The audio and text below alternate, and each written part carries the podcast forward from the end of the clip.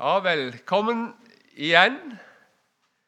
Fint å være sammen. Og velkommen hvis der Eller der er jo noen nye, så vi må ta vel imot deg.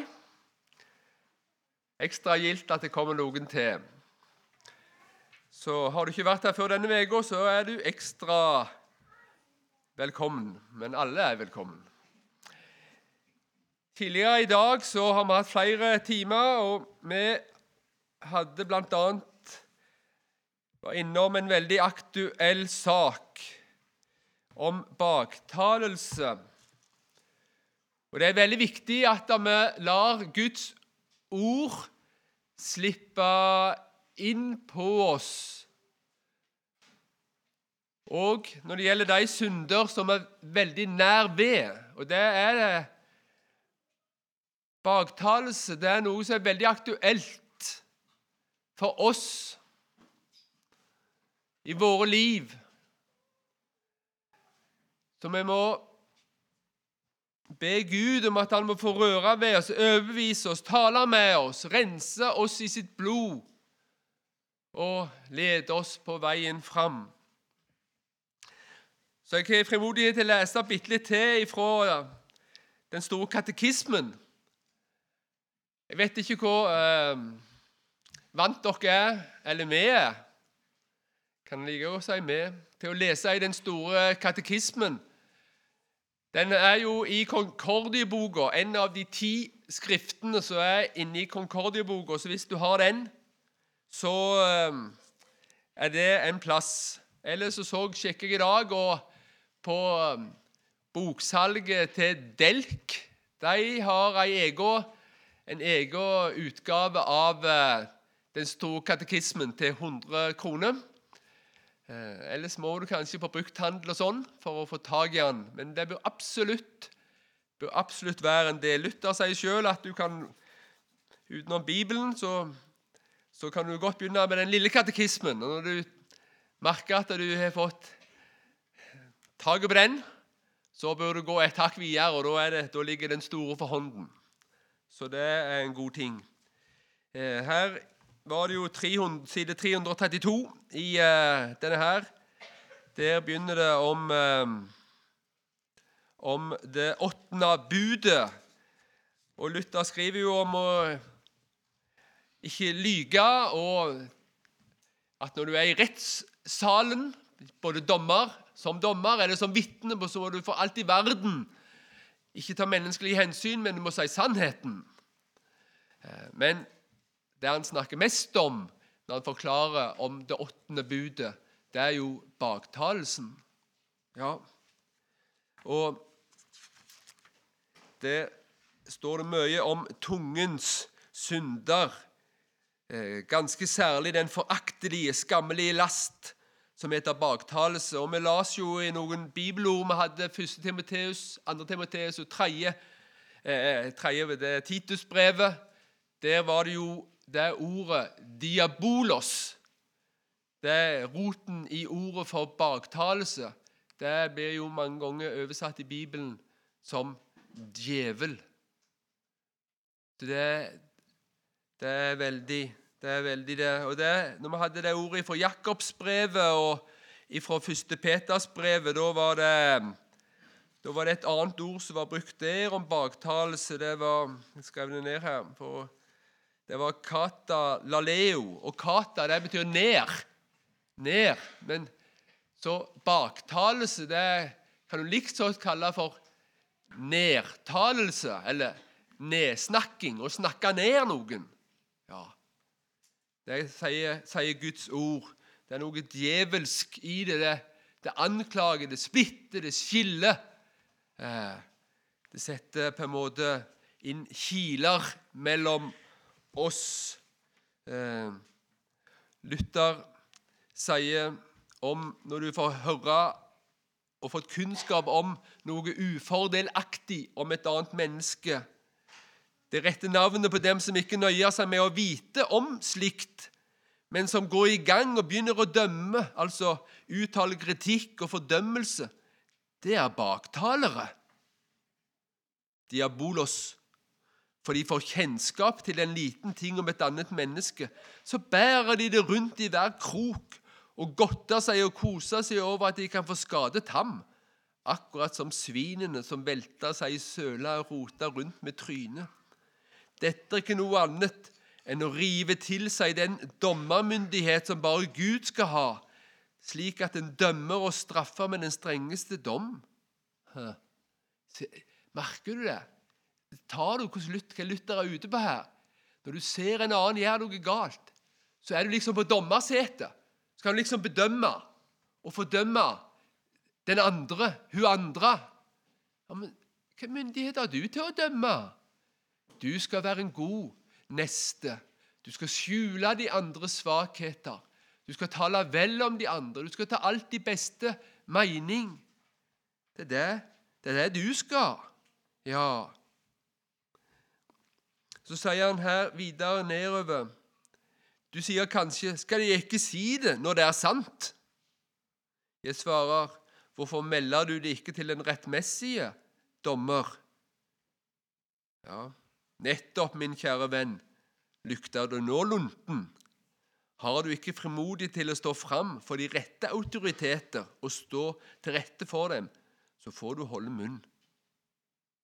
For ingen har rett til å ta fra noen hans gode navn og rykte, med mindre det i forveien er tatt fra ham offentlig. Og så sier han her Dersom du da treffer en slik sladrehank som baktaler og bakvasker en annen, så skal du si ham imot like i ansiktet på ham. Ja, det må jeg si, det er ikke enkelt. Når du hører noen som snakker negativt om andre, så skal du si 'stopp en halv', sier Luther. Du skal si ham imot like i ansiktet. Da vil han bli rød av skam. På den måten vil mang en, holde munn, som ellers ville bringe et stakkars menneske i et vannrykte som de vanskelig kan komme ut av igjen. Et godt navn og rykte er det lett å ta fra et menneske, men det er ikke lett å gi ham det igjen. Der er det noe. Har du sagt noe ufordelaktig om et menneske, så sår du et frø inn i et annet hjerte. Og det er ikke lett å rette det opp igjen. Det er ikke det. Å, hvor vanskelig det er.